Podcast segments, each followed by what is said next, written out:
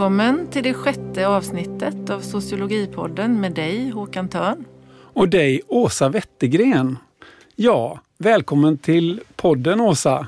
Eh, du ska bli min medpoddare här i fortsättningen nu när Emma har slutat. Det känns jättekul. Eh, och vi får väl börja med att du presenterar dig lite grann. Vad du forskar om till exempel.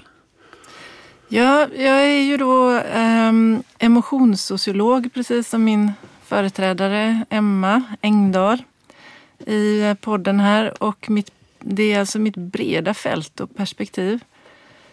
Och jag brukar använda det perspektivet för att titta på till exempel eh, sociala rörelser eller på emotioner i professionella sammanhang.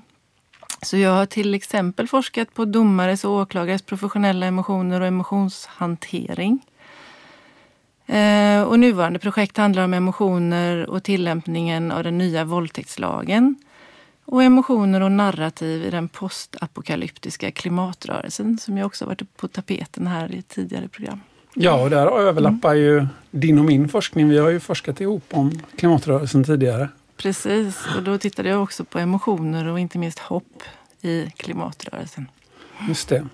Eh, och jag menar, du har ju varit eh, den, eller åtminstone en av dem som har introducerat emotionssociologin som ett forskningsfält i Sverige och faktiskt även internationellt för att du var med och grundade tidskriften Emotions and Society och är väl fortfarande med i, i redaktionen där, stämmer det? Mm, det stämmer. Den startade 2019 um, ehm, och rullar på väldigt bra. Och sen har vi även, eh, jag har även varit med och startat en det emotionsnätverk som eh, är aktivt i Europeiska sociologförbundet.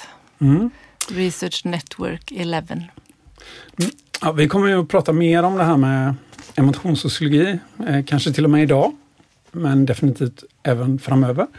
Eh, men jag tycker det är dags att berätta vilka som är dagens gäster, för idag har vi faktiskt två gäster. Vi har två. Eh, den ena heter Jane Pettersson, eh, nyligen disputerad på avhandlingen Governing Citizens in the Age of Financialization. A Study of Swedish Financial Education. Och så har vi Jonas Bertilsson som också nyligen disputerade med avhandlingen The Governance of Global Climate Finance The Management of Contradictions, Ambiguities and Conflicts in the Green Climate Fund.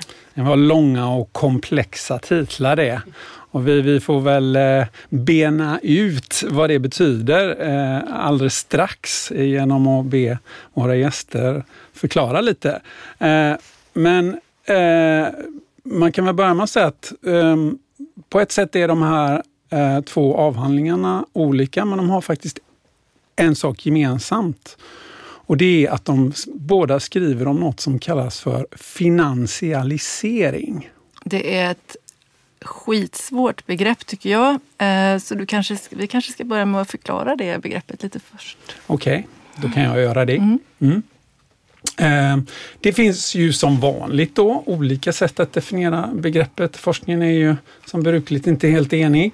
Men vi kan ju då för enkelhetens skull börja med att dela in den kapitalistiska ekonomin i tre sfärer. Då har vi för det första produktion av varor och tjänster. För det andra eh, cirkulation av eller handel med varor och tjänster. Och för det tredje då cirkulation av pengar och olika slags värdepapper. Alltså den finansiella delen av ekonomin. Och finansialisering då är ett begrepp för att beskriva hur den finansiella ekonomin får allt större betydelse för ekonomin som helhet. Är det här något nytt Håkan? Eh, alltså det är inget nytt fenomen i kapitalismens historia. Snarare så återkommer eh, liksom en ökad betydelse för den finansiella delen av ekonomin i cykler då. Men det finns väldigt många som menar att finansialiseringens betydelse idag är större än någonsin tidigare och det brukar man eh, förklara med att gå tillbaka till eh, 70-talets eh, ekonomiska kris. Eh, där finns rötterna till dagens finansialisering. eh, framförallt svaret på den krisen då som var avregleringar och omregleringar som då framförallt inspireras av den nyliberala politiska eh, ekonomiska filosofin. Eh, och avregleringar och om, omregleringar gjordes på många olika områden, men när det gäller just eh, eh fin finansialiseringen då så handlar det om eh, avregleringar av kredit och valutamarknaden framförallt. Alltså jag tänker mig att finansialisering innebär också att en allt, eller det är ju det du säger, men eh, med andra ord då att en allt större del av ekonomin idag faktiskt kopplas bort från den materiella produktionen. Så att den har liksom ingen relation till vad som faktiskt görs i den materiella världen så att säga. Eh, och handlar snarare om produktion av pengar och att tjäna pengar på pengar. Men fortsätt. Ja men det är väl en jättebra beskrivning. Och eh, mycket händer ju på 1980-talet. Då sker det ju ett genombrott kan man säga för den här finansialiseringen. Och om man bara tittar på den internationella valutamarknaden då till exempel och tittar på en siffra här som jag tycker säger otroligt mycket. Eh, så om man då ser på den dagliga handeln på den internationella valutamarknaden så var den år 1977 18 miljarder dollar och 20 år senare 1800 miljarder dollar, alltså 100 gånger större. Och Det finns en intressant siffra också om USAs bilindustri som ju drabbades väldigt hårt av 70-talskrisen. På 1980-talet så tjänade alltså bilindustrin mer pengar genom finansiell spekulation än genom att sälja bilar. Det är ju helt otroligt. Det låter så sjukt. Men var kommer alla pengarna ifrån? Ja, vi kan ju inte bli alltför detaljerade här. Vi skulle kunna ha eh, en serie poddar om finansialisering känner jag. Men kortfattat då.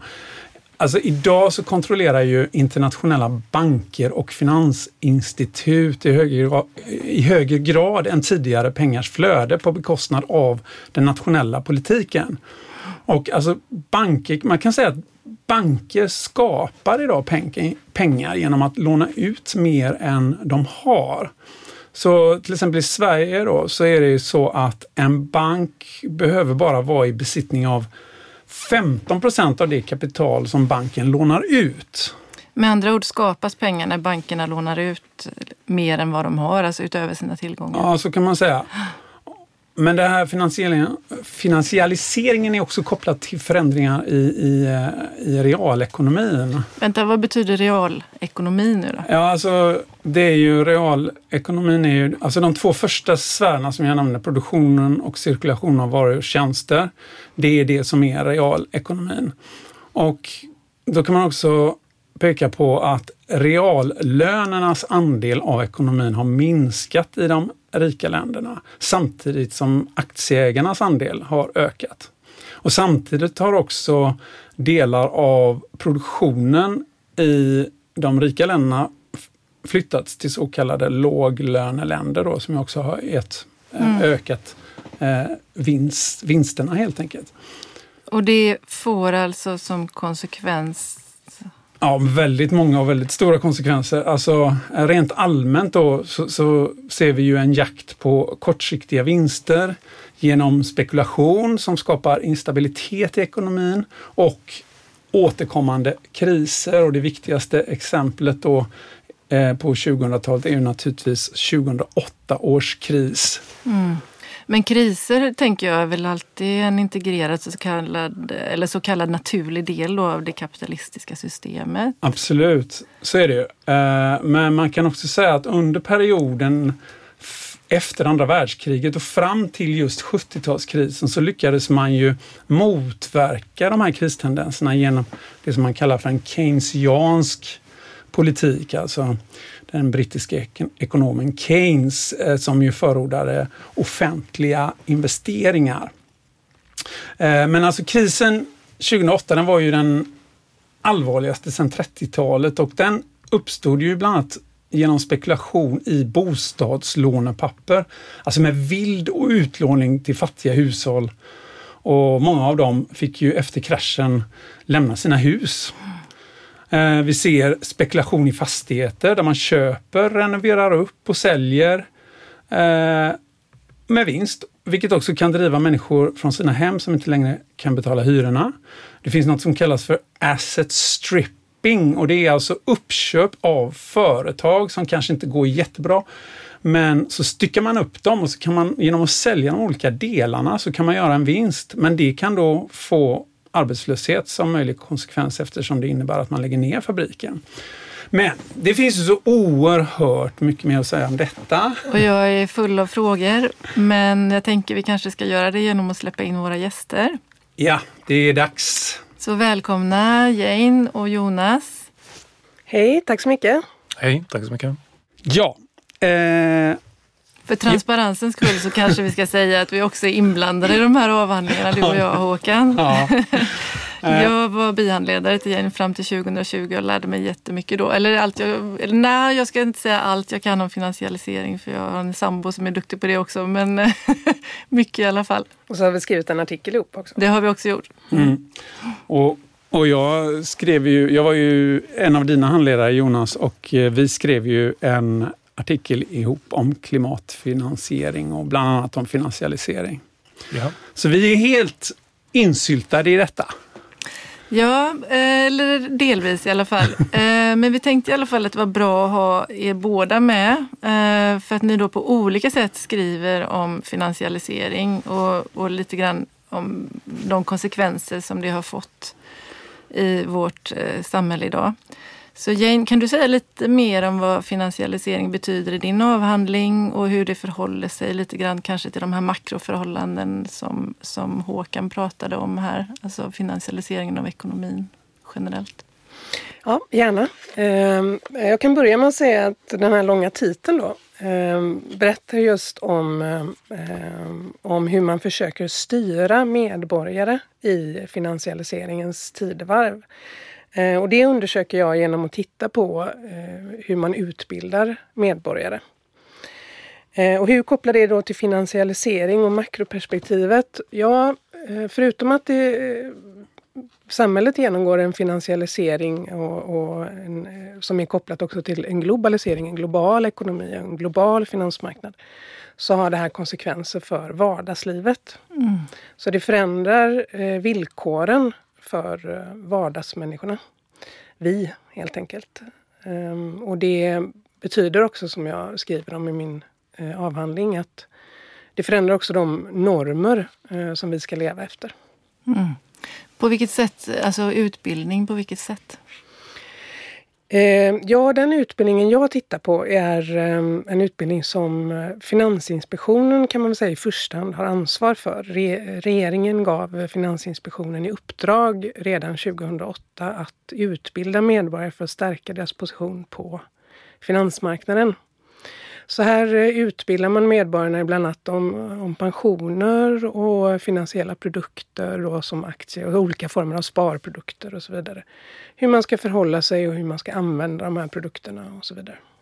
För att vi kan inte räkna med att vi har någon pension i framtiden om vi inte spekulerar lite så att vi har lite extra Ja, eh, så långt kanske de inte går, men, men de, eh, i, i pensionssystemet så finns det ju möjlighet eh, att välja pensioner och man marknadsför det här då, den här möjligheten som just en möjlighet att själv kunna skapa en bättre pension för sig själv. Då. Mm. Och hur gör man och så vidare. Och här finns det då normer och ideal mm. kring att det är just så man ska göra. Man ska använda den här möjligheten och man ska vara mer aktiv på finansmarknaden. Och det är det du kallar för vardagslivets finansialisering? Ja, ehm, för förut, förutom att finansialisering, eh, finansialiseringen innebär, innebär att våra materiella villkor eh, har förändrats så kommer också ideal med de här mm. villkoren. Mm. Så att man ska anpassa sig och eh, ta tillvara på eh, de här möjligheterna så som man beskriver det i de här utbildningarna i alla fall. Mm. Ja, Jonas, du har skrivit om den gröna klimatfonden. Förklara. Ja, precis. Ehm, den har ju inte ett specifikt eh, fokus på finansialisering utan det handlar mer om att undersöka motsägelser och konflikter i den här fonden och hur de hanterar det. Men ja, finansialisering eh, kom in som en aspekt av den här styrningen. Och eh, det handlar om hur länder i det globala syd uppmuntras att använda eh, den privata sektorn och nya finansiella produkter som ett sätt att få in pengar för att kunna finansiera sina klimatprojekt. Och det betyder att man då går från mer traditionella former av finansiering som har varit byggt på Eh, bidrag eller lån med villkorliga eh, förutsättningar eh, som används inom utvecklingspolitiken till exempel.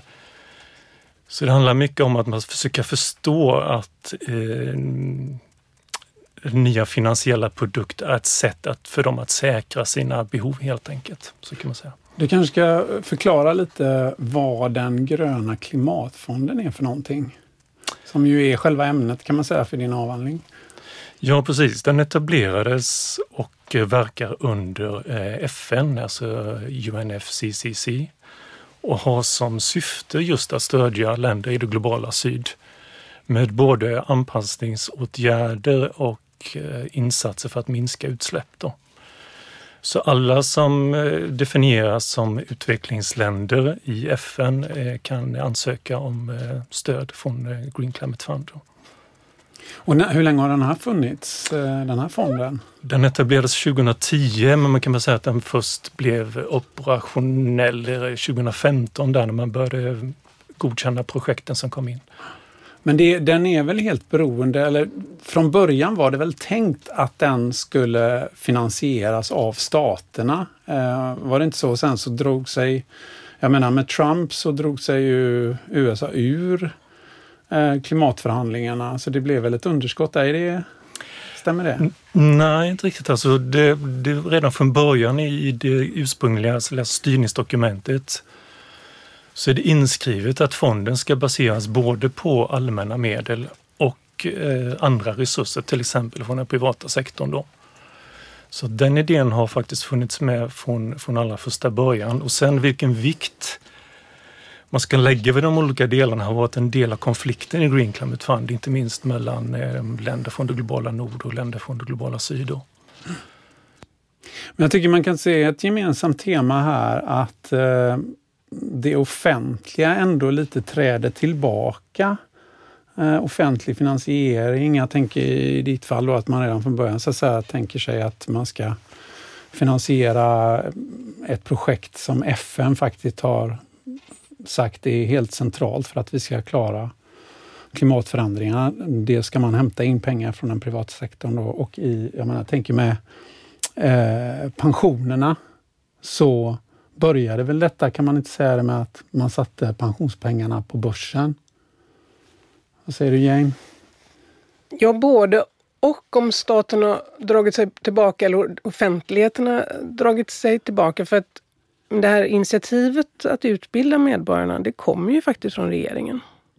Så att på, på ett sätt har ju då staten gått fram genom att säga att vi måste utbilda medborgarna så att de blir mer finansiellt aktiva.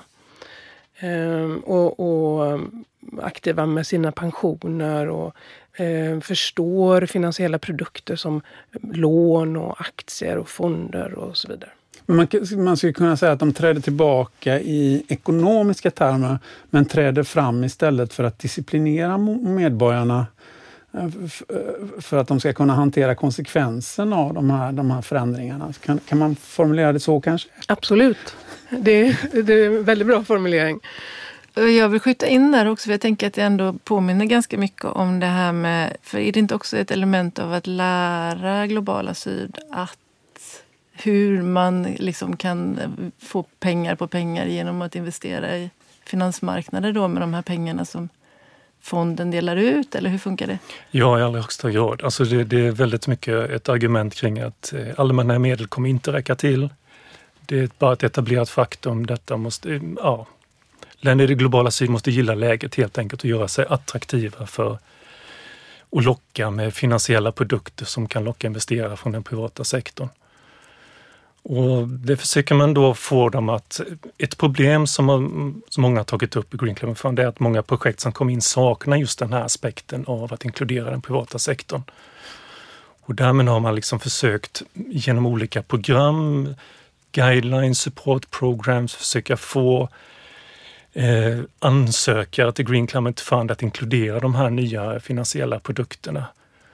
Och det är inget, det är inget tvång så här, men det blir väldigt mycket så här att så här är det, vill ni ha pengar så får ni liksom i stort sett anpassa er och göra er bankable som uttrycket är i Green Climate Fund. Men då tänker jag, då tänker jag ju på um, det vi pratade i förra poddavsnittet om governmentality. Det vet jag att ni båda har inspirerats av den teorin. Vi, vi tog upp det i, eh, i vårt litteraturtips i förra, förra avsnittet. Det utgår ifrån den franske idéhistorikern Michel Foucault då, och så har man utarbetat en sociologisk teori om hur styrning utformas som en slags självstyrning. Eh, eh, kan man säga det att det, det ni pratar, eller förlåt, det ni studerar här är en form av styrning genom självstyrning? Eh, yeah.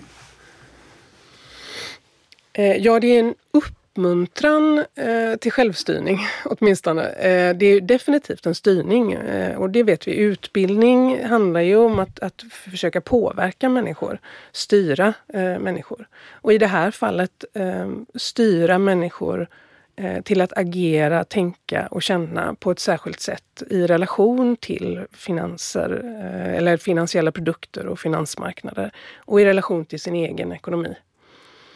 Eh, och i den processen, precis som Jonas säger, så handlar det om först måste man eh, neutralisera eh, den här utvecklingen, ne neutralisera finansialiseringen och säga att den är självklar. Den är här nu och så fungerar det eh, och nu måste vi eh, anpassa oss eller kanske till och med ta tillvara på de möjligheter som eh, finansialiseringen skapar. Och det, det är en styrning och ett, ett sätt att eh, anpassa sig, förstå, känna och tänka om den här utvecklingen. Då. Kan du utveckla det lite, det här med att känna? Eh, för det är ju det som är så spännande i den artikeln som vi jobbar ihop med också. Eh, absolut. Ehm, I den här diskursen eh, som jag menar att det här nätverket som för övrigt heter Gilla din ekonomi eh, utvecklar så Eh, Eh, så har man ett slags eh, rationalistiskt ideal. Man menar att det är då rationellt att eh, handla med finansiella produkter. och, det är ekonomiskt rationellt att vara aktiv på finansmarknader och så vidare.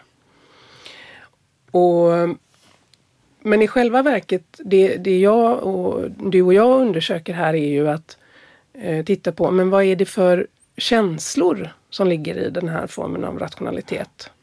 Och vad är det för känslor man använder när man utbildar och försöker då styra? Och, och då ser ju vi att bland annat så finns det ju en, en eh, förutsätter man i alla fall i utbildningen att det finns eh, att man är uttråkad, att det inte är roligt med pengar, att det inte är roligt att ägna sig åt Det finns liksom ekonomi. ett motstånd mot den här... Precis. Ja som man då eh, försöker övervinna mm. hos dem man utbildar och säger att men det här är roligt. Man kan göra pengar och det kan bli bra. Och en utav utbildningarna heter just Trygga din ekonomiska framtid. Mm. Eh, och då beskriver man just att nu kan vi liksom inte förvänta oss längre att välfärdsstaten ska eh, ta hand om oss eh, på samma sätt som tidigare. Utan vi måste ta ett större ansvar själva. Och då gör man det så kan man trygga mm. sin framtid. Man mm. kan, man kan vara lugn genom att vara aktiv. Jag tyckte det var så eh, spännande att läsa eh, just kring känslor som de här lärarna på den här utbildningen förmedlar. Alltså nästan, det var nästan, jag läste det nästan som att de sa, vi kan inte säga hur ni ska göra för att tjäna mer pengar, men vi kan känna eller förlåt, vi kan säga vad ni ska känna för att ni ska ha förutsättningar för att kunna tjäna mer pengar. Ni ska gilla, liksom, ja, gilla din ekonomi, eller hur? Liksom. Mm. Alltså att det var snarare liksom att man skulle lära ut en slags entusiasm i förhållande till, till, till att eh, handla med aktier. Kan man säga så? Ja, man kan, man kan ju inte lova eh, någon på en sån här utbildning att eh, de finansiella produkter man köper kommer att generera eh, vinst. Eh, men man kan visa eh, att man kan känna, man kan ändå förmedla att man kan känna sig trygg i det långa loppet eftersom marknaden har gått upp. Och att det inte är farligt eh, och det är inte så svårt att lära sig de här sakerna. Så att man, det handlar om att försöka lära människor att våga då eh, investera sina pengar och inte vara så rädd för att förlora mm. Eh, sina pengar. Men det var ju också, det som jag tyckte var spännande också i ditt material Jane, det var ju att det visade sig att, att staten, eh, staten går ju då ut aktivt i och med att de tar initiativet till den här folkbildningen då och faktiskt tar ställning för den finansiella marknaden som ett sätt att bli rik, alternativt i alla fall någorlunda trygga sin framtida ekonomi som pensionär och sådär. Men de får inte ta ställning till, alltså de, de, de ska ju samtidigt då så är de ju väldigt trygga, eller så här, de vill verkligen vara objektiva så då ska de heller inte promota någon specifik, liksom, så här, det ska du satsa på, de aktierna är bra eller de, vad det nu skulle kunna vara för någonting, eh, ska du investera i. Så. Alltså att de då säger sig vara objektiva fast de liksom promotar en ett system som faktiskt bygger på att eh, det som staten egentligen borde stå upp för, det vill säga en framtid för medborgarna. Ja, alltså eh, den, man kan väl säga att eh, statens roll då har förändrats. Ehm, och, det pensionssparandet är ju ett sådant exempel där man då aktivt har tagit beslut om att vi flyttar pengarna eh, till finansmarknaden. Och man tror ju naturligtvis då att det ska generera bättre pensioner eh, än om man inte hade gjort det. Ehm, men i de här utbildningarna så, är det ju så värnar de ju naturligtvis om eh, på ett sätt att man inte ska göra reklam för vissa finansiella produkter. Samtidigt så är ju det här ett nätverk som är ett samarbete mellan privata och offentliga aktörer eller myndigheter, svenska mm. myndigheter, Finansinspektionen, eh, Kronofogden, Konsumentverket men också eh, stora svenska banker och finansiella företag. Mm. Eh, och ideella föreningar. Mm. Som utbildar och där finns ju deras loggor och så med. Men man vill ju också att medborgarna ska vara eh, skeptiska och eh, man ska både känna tillit till finansmarknaden stort och att våga ta steget ut eh, och välja produkter och, och, bli finansiellt aktiv. Samtidigt som ska man ju då passa sig mm. för eh, aktörer som som är ute efter ens pengar. Som är eh, oseriösa? Eller? Ja, ja. Eh, och där, man, där, man, där det finns risk att man förlorar eh, sina pengar. Och det, det, det är ju självklart alltid så att det finns en risk att förlora sina pengar. Mm. Och det pratar man kanske inte så mycket om. Alltså, det är klart att varje gång du, du köper ett lån eller köper en aktie eller fond och så vidare så finns det ju risk att det inte går bra. Mm. Men sen finns det då oseriösa eh, aktörer som man vill att eh, medborgarna ska akta sig för. Man ska inte bli överskuldsatt till exempel. Mm. Eh, akta dig för vissa former av krediter och, eh, och reklam. Och, och, och sen finns det ju också, det har vi sett i nyheterna många gånger, Eh, aktörer som ringer eh, till gamla människor och säger överlåt eh, dina pensionspengar till oss så kommer vi få dem att växa och så vidare. Mm. Och det här är komplicerade saker så, som man vill att medborgarna ska kunna och, och då känna eh, eh, distrust. Eh, Misstillit eller misstro. misstro. Ja. Men jag tänkte om vi går över till dig Jonas, där, eh, Jane berättade ju att det fanns lite motstånd här och jag menar eh, det här med styrning genom självstyrning, det pratade du om alltså att man i den gröna klimatfonden så finns det en ambition där att man ska lära utveckling, så kallade utvecklingsländer då att eh, tänka i termer av finansiella produkter och så. Eh, men eh, det fanns väl motstånd där också? Eh, ja, absolut. Eh, det är många som reagerar på att man eh, eh, överför ansvar på något sätt, vilket i governmentality-termer skulle kunna beskrivas som responsibilisering då. Alltså man har ju fastslagit att det är länder i det globala nord som orsakat klimatförändringarna och därmed har ett ansvar för att stödja eh, de som kommer drabba, drabbas hårdast och har minst resurser för att kunna hantera det.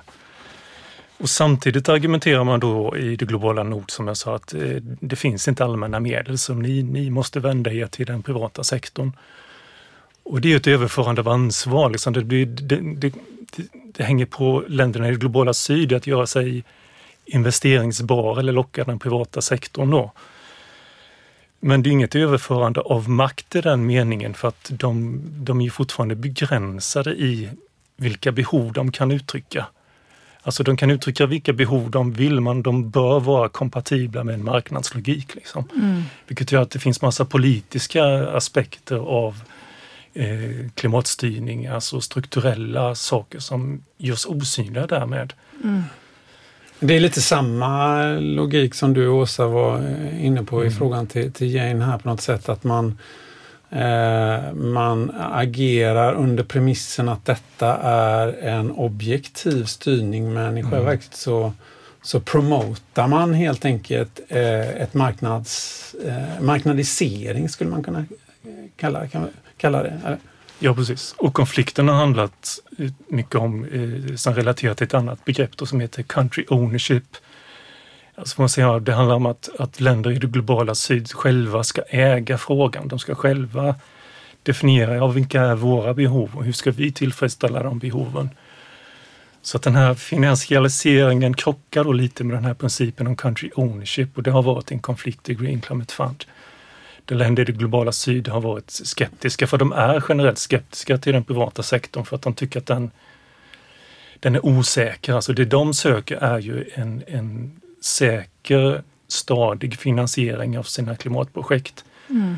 Men genom att använda finansiella produkter så skapar man då liksom eh, en osäkerhet, alltså att, att eh, equity swaps och allt sånt här liksom skapa finansiell spekulation helt enkelt. Man kan säga för det, är ju, det här är ju länder som drabbas redan oerhört Absolut. hårt. Det, det, alltså det är en instabilitet i deras samhällen som klimatförändringarna har skapat så att säga. Precis. Och nu upplever de då att eh, eh de så att säga, pådyvlas en ekonomisk instabilitet i, i, i, sina försök att vädja till omvärlden att, eh, att få hjälp med att eh, mm, ta hand om konsekvenserna. Du sa något där, equity swaps. Har du lust att bara förklara lite kort? Nej, jag är inte så jätteinsatt insatt på det. Alltså, men det handlar ju om att, att de här finansiella produkterna är ju precis som vi har varit inne på, finansiella produkter i sig. Att de mm. kan köpas och säljas. Mm. Och det är en förutsättning att det ska vara väldigt lätt att köpa och sälja de här produkterna för att investerare ska vara intresserade, intresserade helt mm. enkelt. Mm. Och just den här osäkerheten då kan ju, eller att den här lättheten med vilka de här produkterna kan köpas och säljas bidrar ju till att föda finansiell spekulation. Mm. Jag, jag, jag skulle... Ja, ja, visst, Jane. Jo, i, i, jag tänkte på motsvarande sätt när du talar om, om eh, responsibilisering ehm, eh, och de förändrade relationerna då som det innebär. Eh, på motsvarande sätt när det gäller finansialisering av vardagslivet så är det ju just en ansvarsförskjutning mellan eh, staten och medborgarna. Att det, det är alltså en förändrad relation eh, däremellan, mm. dem emellan. Ja, och det är en, precis i Jonas fall då en ansvarsförskjutning från, i det här fallet, eh, egentligen från staterna via FN till utvecklingsländerna då. Mm, precis. Men jag skulle vilja eh, ställa en fråga till er båda. Alltså det, på temat styrning då. Så styrning, man ska styra i ditt fall individer och i ditt fall kanske länder eller organisationer, civilsamhällesorganisationer. Eh, att styra sig själva fast på det sättet som eh, eh föreskrivs då. Lyckas man? Alltså, alltså ni har båda pratat om motstånd och ni kan gärna prata mer eh, utveckla det lite grann, men också vad tror ni liksom? Är det här effektivt? Ska man, alltså, Michel Foucault pratade om att styrningen syftar till att skapa subjekt, alltså att omforma våra identiteter och i ditt fall då individers identiteter och kanske i Jonas fall organisationers eller nationers identiteter. Eh, finansiella subjekt. Alltså är det, är det en lyckad styrning? Um, I det långa loppet jag, kan ju, jag börjar med en spekulation. I det långa loppet, alltså det är självklart så att när människors livsvillkor förändras så förändras människor. Mm. Um, så det tror jag, det, det ser vi ju eh, säkert eh, alla i våra vardagsliv, att vi tänker på, en he, på ett helt annat sätt kring våran bostad till exempel, och våra pensioner och vi agerar på ett annat sätt. Um, jämfört med då till exempel du tog upp 80-talet, um, ehm, hur, hur, vi tänkte kring det och vad, eh, vad systemet har förändrats och då måste människor förändras efter det. Men i en, en eh, utav mina studier då, eh, en av mina artiklar, så, så tittar jag på och frågar och pratar med de som då är med i de här utbildningarna.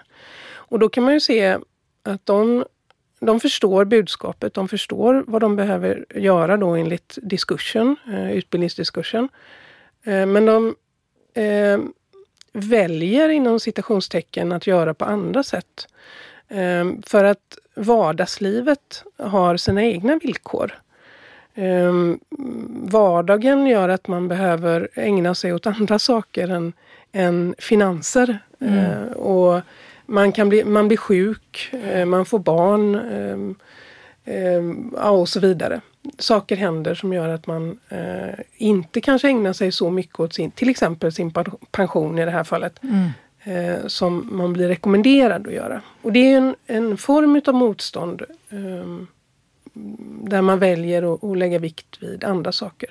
Men i det långa loppet så blir ju det här, eh, särskilt kanske för den yngre generationen, som inte har varit med om en bostadsmarknad där, man, där det är då enklare än det är idag att få en bostad. Man måste ta lån, man måste ha en kontantinsats och så vidare. Så att villkoret för att flytta hemifrån har ju förändrats till mm. exempel. Och då, och då är, vill man gärna flytta hemifrån så kanske man börjar tänka de här termerna och anpassa sig efter det här. Och man vet inte om vad som har funnits tidigare.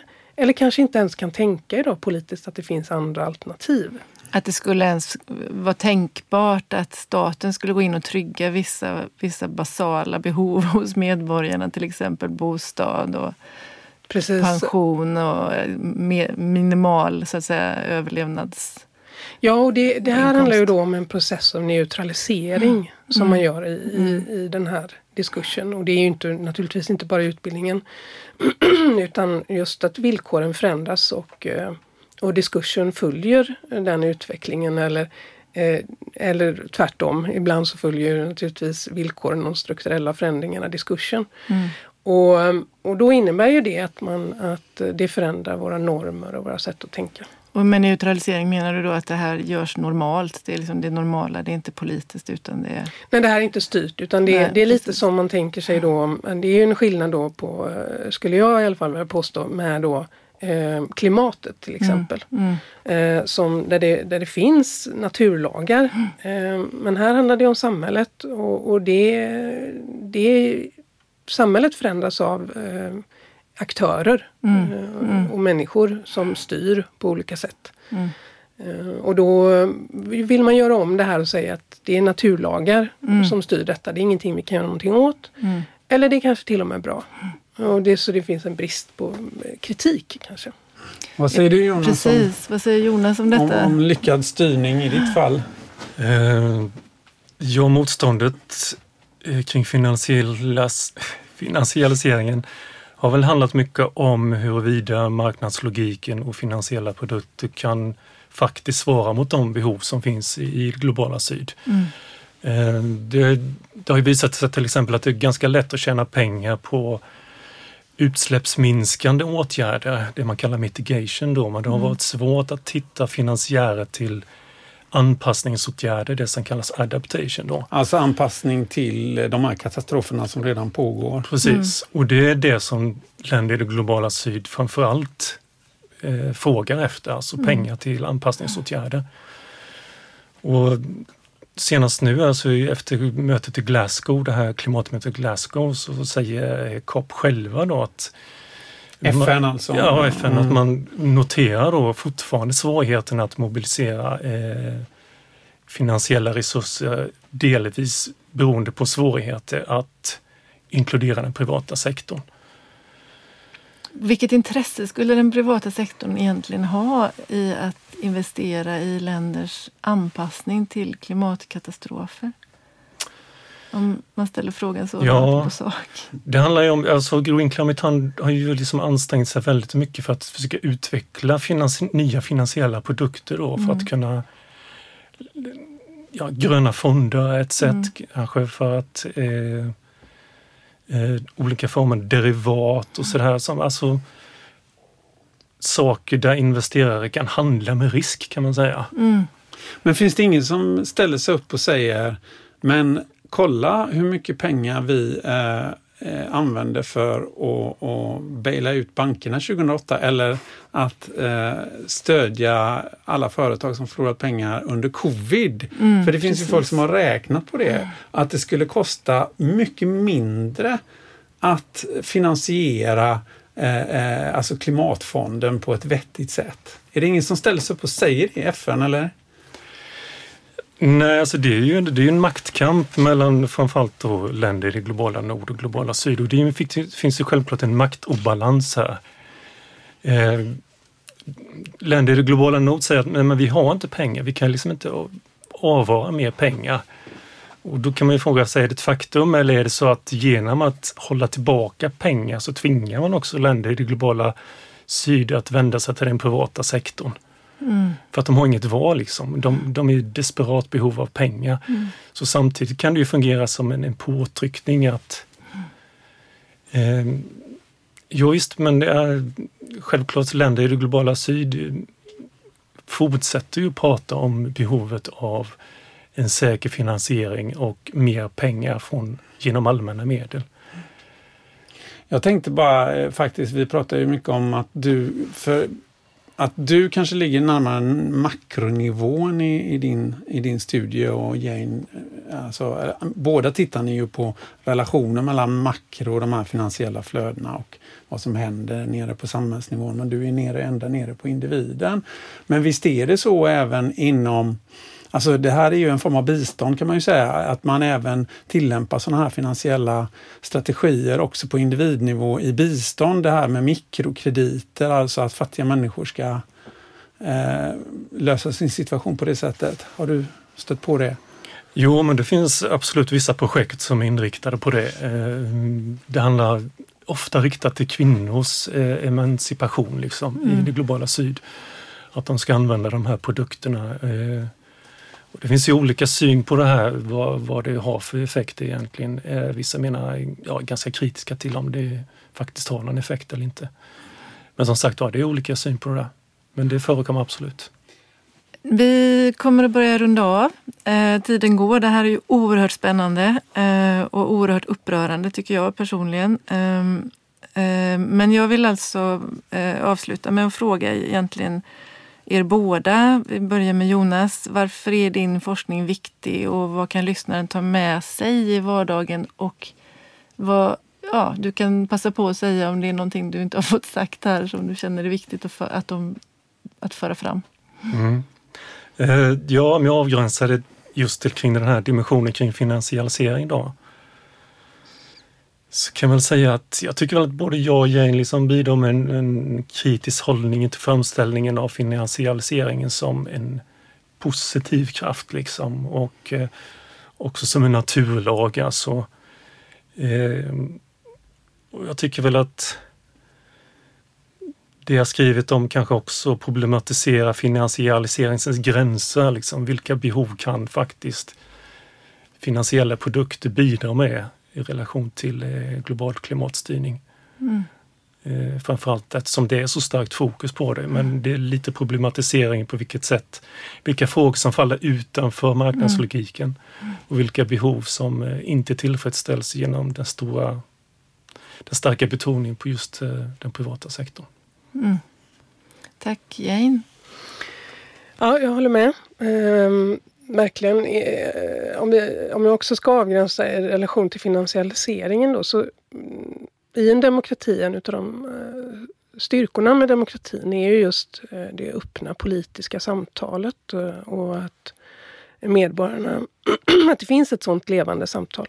Och det är väldigt viktigt i det att se att det här är inte, en, det är inte naturlagar det handlar om utan det handlar om politiska beslut och aktörer. Och att jag skulle önska att det fanns ett eh, kritiskt samtal mm. eh, i vardagen om just de här frågorna. Eh, både då de positiva och negativa aspekterna och vad man vill och inte vill. Och vad det finns för ideal kring de här sakerna. Marknadisering och finansialisering ska inte tas för givet som någonting som vi inte är själva med och gör så att säga. Utan Nej. det är någonting som vi kan forma och omforma och det gäller både klimatfonden och våra pensioner och inte och andra sådana. Mm. Ja, budskapet från er är att vi som medborgare ska gå ut och debattera om det är rätt, riktigt och bra att vi ska ägna tid åt att försöka öka våra pensioner genom att spekulera aktier och om det är rätt, riktigt och bra att vi genom FN ska verka för att utvecklingsländerna ska eh, klara sig ur klimatkrisen med hjälp av finansiella produkter. Kan man sammanfatta det så? Kommer ni att skriva debattartiklar? Public sociology. ja, men då får vi säga tack till Jane och Jonas. Tack, tack så mycket. Själva. Tack. Tack så hemskt mycket. Ja, nu ska vi gå över till dagens eh, litteraturtips och det är du Åsa som eh, har valt det. Vad har du valt? Jag har valt en bok som jag läste nyligen. Den heter Enthusiasm, Emotional Practices of Conviction in Modern Germany av Monique Scheer. Och det är en ny bok, eller? Den kom ut 2021. Ja.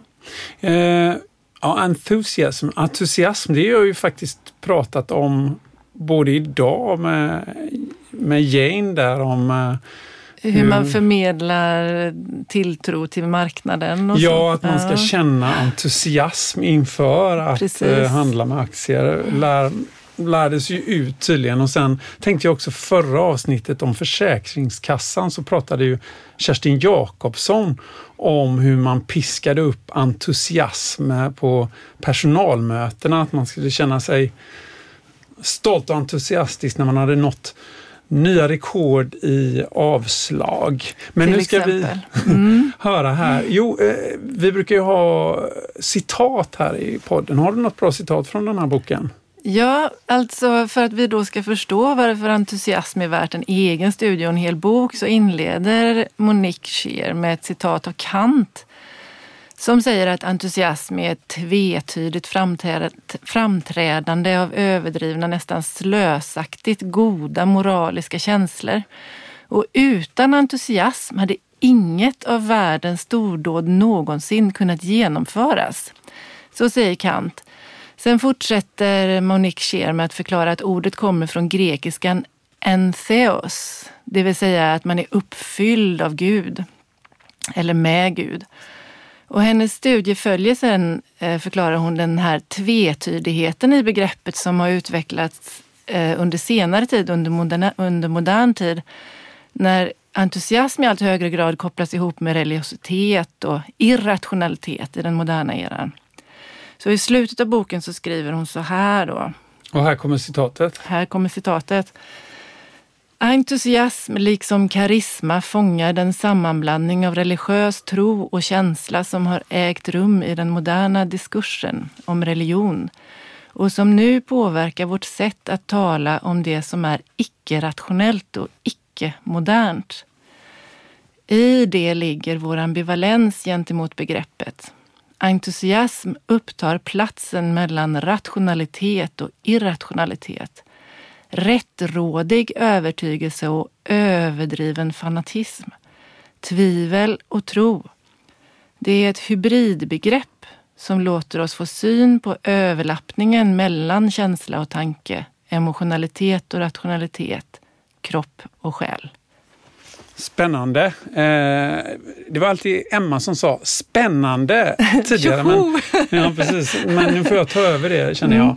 Mm. Spännande alltså. Eh, nej, men jag, eh, berätta mer om, om den här boken. Då. Vad, vem, är, vem är Cher? Cher är då professor i historia och antropologi på universitetet i Tübingen. Och I boken så gör hon en jämförande analys av hur man praktiserar och uttrycker religiös övertygelse och hon jämför då det hon kallar för mainline protestantism, eller mainstream protestantism kanske enklare, med olika protestantiska karismatiska sekter i Tyskland eh, från 1800-talet och fram till idag. Och hennes definition av entusiasm det är då att det är medieringen av övertygelse genom känsla eller emotion. Känsla och emotion använder vi ju då synonymt i den här podden kan vi säga. Okej. Okay.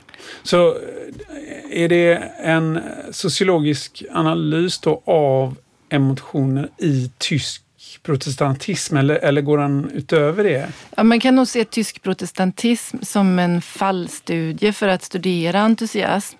För Cher är liksom en, en, en, en argument som hon har med sig genom boken och framförallt driver i slutet det är att resultaten kan användas för att förstå entusiasm i andra sammanhang, eh, inte minst då inom politik.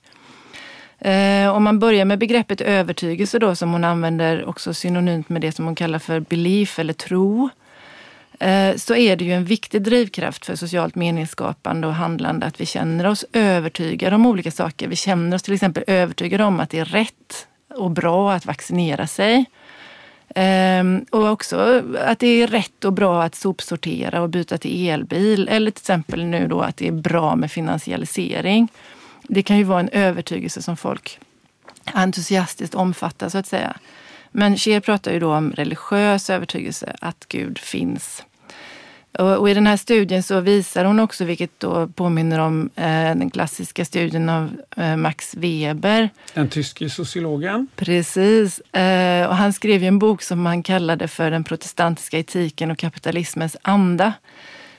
Och lite grann i samma anda då så, så menar Scheer att mainstream protestantismen, alltså den vanliga vardagliga protestantismen, inte kalvinismen som det var i Max Webers fall då, har bidragit till att forma en modern individualistisk och rationell uppfattning om självet och jaget som en autonom essens som är en idé som ligger till grund för den moderna individualismen och det moderna samhällets utveckling. Ehm, det här jaget har ju då en egen kontakt med och insikt om Gud som ger upphov till övertygelse om att Gud finns, men också tvivel. Och det är viktigt just inom mainstream protestantismen då att där finns också utrymme för tvivel.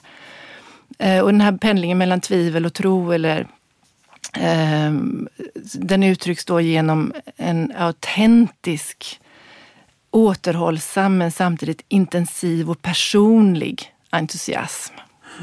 Ja, där, där kanske man kan invända lite att eh, att eh, det här att protestantismen har format den moderna människan, det känns lite så här eurocentriskt som vi har pratat om eh, tidigare. Liksom att man Eh, utgår från eh, förhållanden i Europa och så generaliserar man det. det. det. är en kritik som Max Weber också har fått. Mm, eh, mm.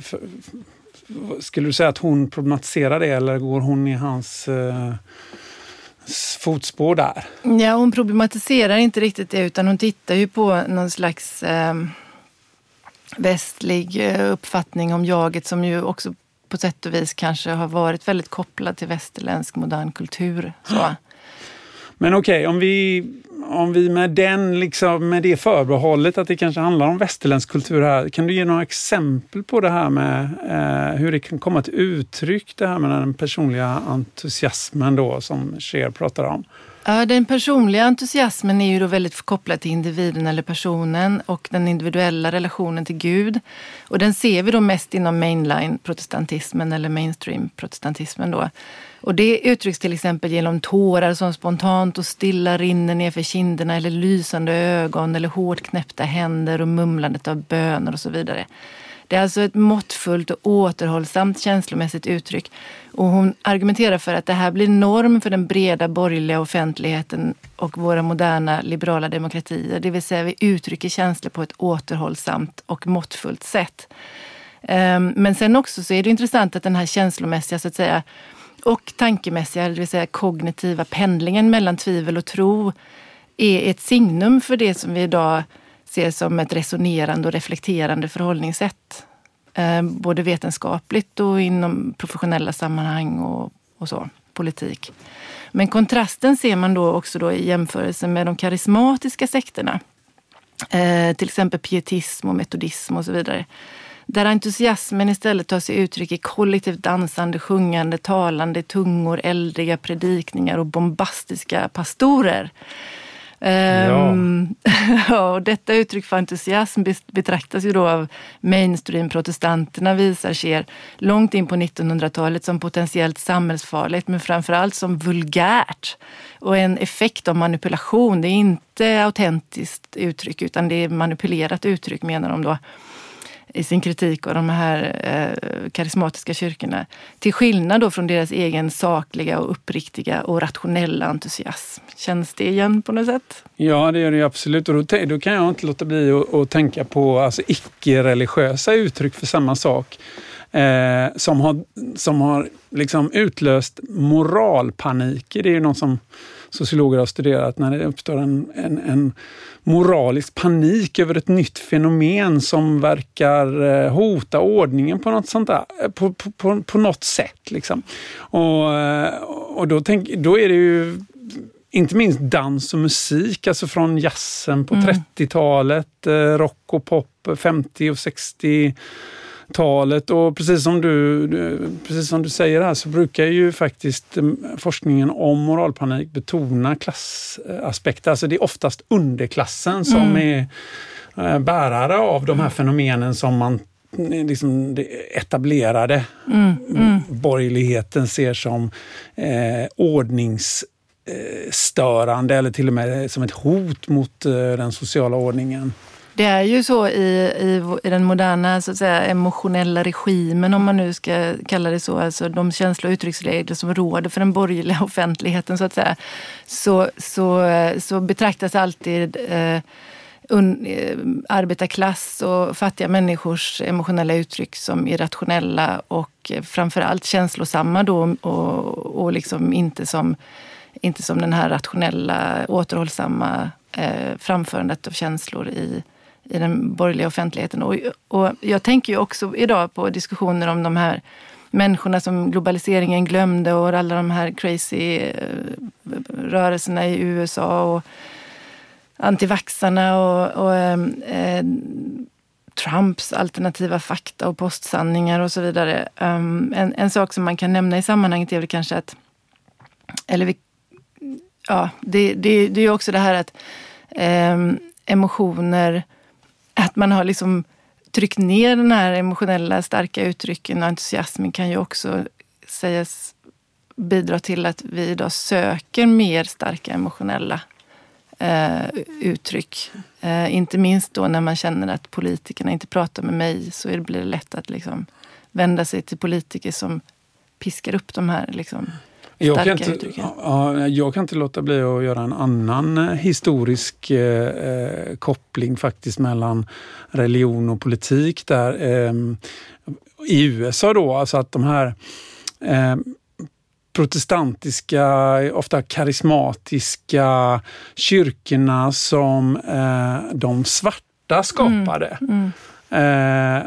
och det, alltså, kyrkorna var ju redan på slaveriets tid. Eh, ett rum där, där, där de svarta både kunde ge uttryck för den smärta mm. de kände på grund av förtrycket, men också eh, liksom de drömmar om frihet. De kunde leva en frihet som de inte hade i det där rummet och det är ju framförallt genom musiken mm. då. Mm.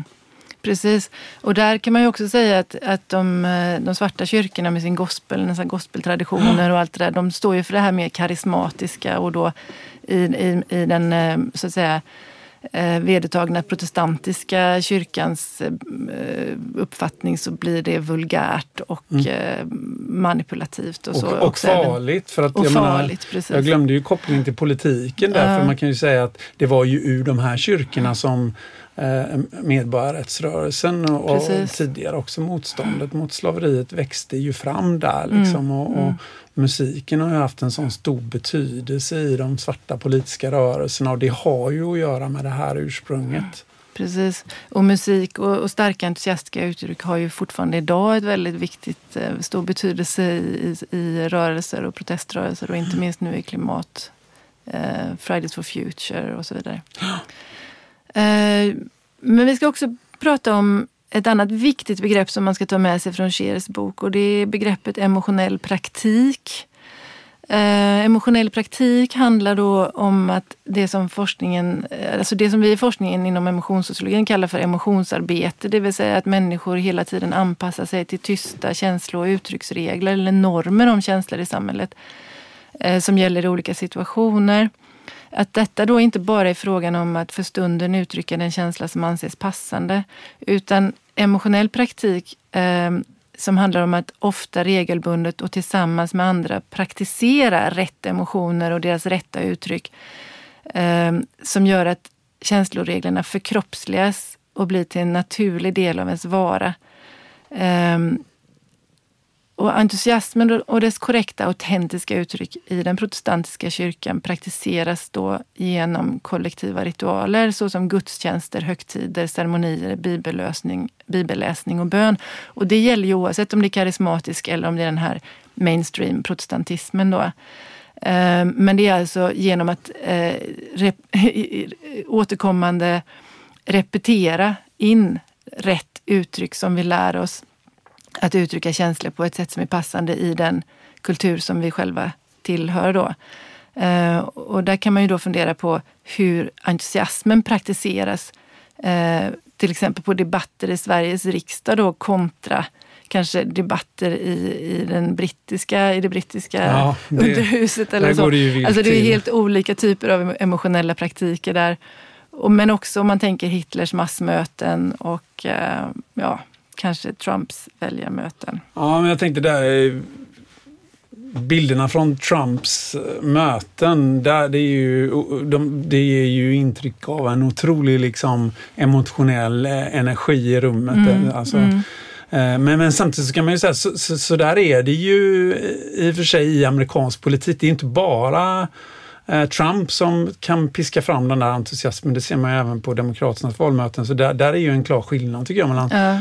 Sverige och USA, vilket ju är intressant då. Vad, det kan vi kanske inte eh, förklara idag. Nej, men, men jag kan säga att Sverige generellt sett, om man jämför oavsett vad du jämför med liksom, ja. egentligen, eh, inom de här olika rationalistiska sfärerna då, liksom, så är ju ändå uttrycken mycket starkare i väldigt många andra länder än vad de är i Sverige. Mm, ja, men, det, men, man kan ändå ställa mm. frågan om, eh, trots att det finns ju uttryck för entusiasm på valmöten i USA och i det brittiska parlamentet så kan man ju ändå fråga sig om politik, åtminstone den parlamentariska politiken, eh, kan väcka lika starka känslor som eh, religionen har gjort eller gör.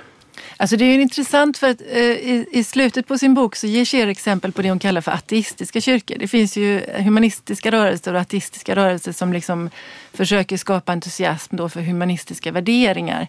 Det ska alltså inte ha någonting med Gud att göra men de vill gärna kopiera eller, eller, eller uppleva de här eh, eh känslan av kollektiv upprymdhet och hänförelse som, som kyrkorna liksom ger plats för. Eh, och den emotionella praktik som då Eh, kan utövas inom ramen för de här ceremonierna och så. Men de försöker efterlikna det eh, och det finns alltså en kyrka i Tyskland som Scheer har följt i Berlin. Eh, en ateistisk kyrka. Men det visar sig att de misslyckas kapitalt med det här, alltså för att ingen riktigt lyckas jobba upp den här entusiasmen. Och hon menar att det beror på att ateisterna i för hög grad, då, moderna individer, de känner sig inte bekväma med de här kollektiva ritualerna och de lyckas inte det blir bara awkward som hon skriver. Alltså det känns konstigt och obekvämt. så. Mm. Men ja, ja, det är ju jätteintressant. Men Eh, skulle man inte, jag skulle nog ändå vilja eh, invända lite mot hennes beskrivning på något sätt att det sekulariserade samhället inte riktigt är, eh, kan eh, ge utrymme för denna entusiasmen. Även om den inte finns i den svenska riksdagen då, så, så kan man väl ändå säga att det finns liksom ritualer i vårt samhälle där entusiasmen liksom står i centrum. Alltså jag tänker mm. på konserter, klubbmusik, fotbollen, supporterkulturer, demonstrationer. Eh, alltså blir inte den intressanta frågan vad det är som, som väcker en sån entusiasm idag och vad som inte gör det. Jag menar, hon har ju på sätt och vis rätt i att hon skriver väl att liksom massorna drar inte ut på gatorna i allmän entusiasm för humanistiska värderingar men men eh, alltså 2019 såg vi ju mm. massdemonstrationer för, ja, för, precis, mot, mot, eh, för en klimatpolitik. Då. Eh, så att, jag, jag, menar, jag kan inte låta bli att tänka på Max Weber. Han menar ju liksom att eh, historiskt sett så, och kanske med viss regelbundenhet så återkommer sådana här karismatiska rörelser för att bryta upp eh, vardagslivets eh, rutiner och institutionernas grepp och makt över oss individer. Mm. Det kan ju vara en sån pendlingsrörelse. Hon har ju bara tittat på liksom, de senaste eh, 200 åren. Eh, men jag tänker att det är ganska logiskt ändå att vi rör oss kanske mot mer karisma och mer starka känslomässiga engagemang. Eh, och jag tror att det vi ser idag är ju att känslan av att tro på, att vara övertygad om något ehm, i, i vårt samhälle idag håller på nästan...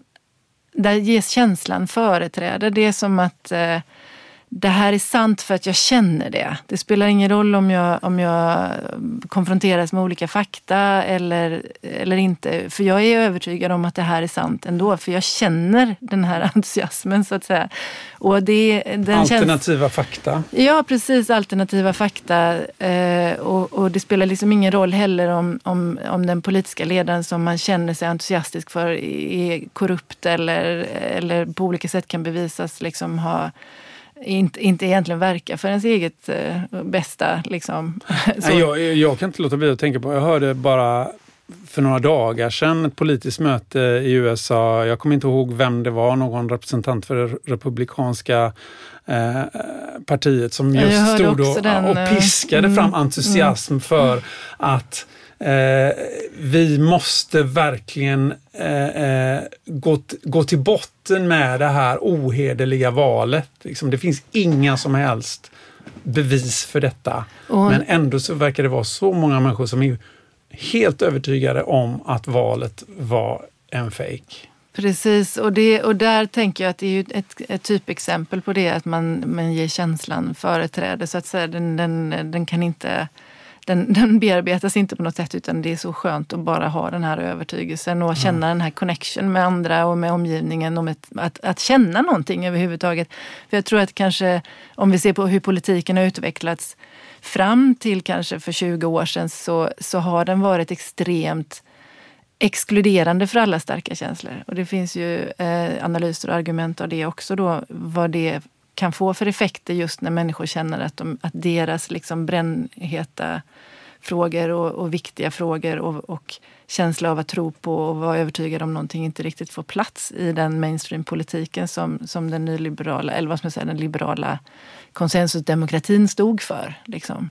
Ja, det där var ju en jättebra sammanfattning tycker jag och, och, och avslutning också för att vi måste ju som vanligt runda av, ja. Mm. runda av och mm. bryta de här intressanta diskussionerna som vi har här i vår lilla studio. Eh, ja.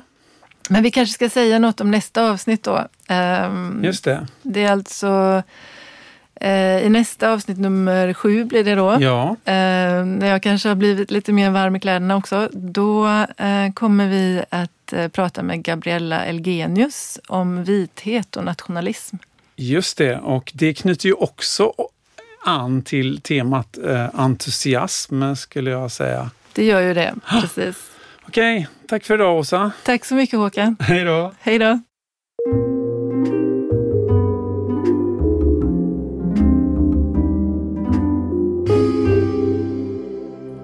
Den här podden finansieras av Institutionen för sociologi och arbetsvetenskap på Göteborgs universitet.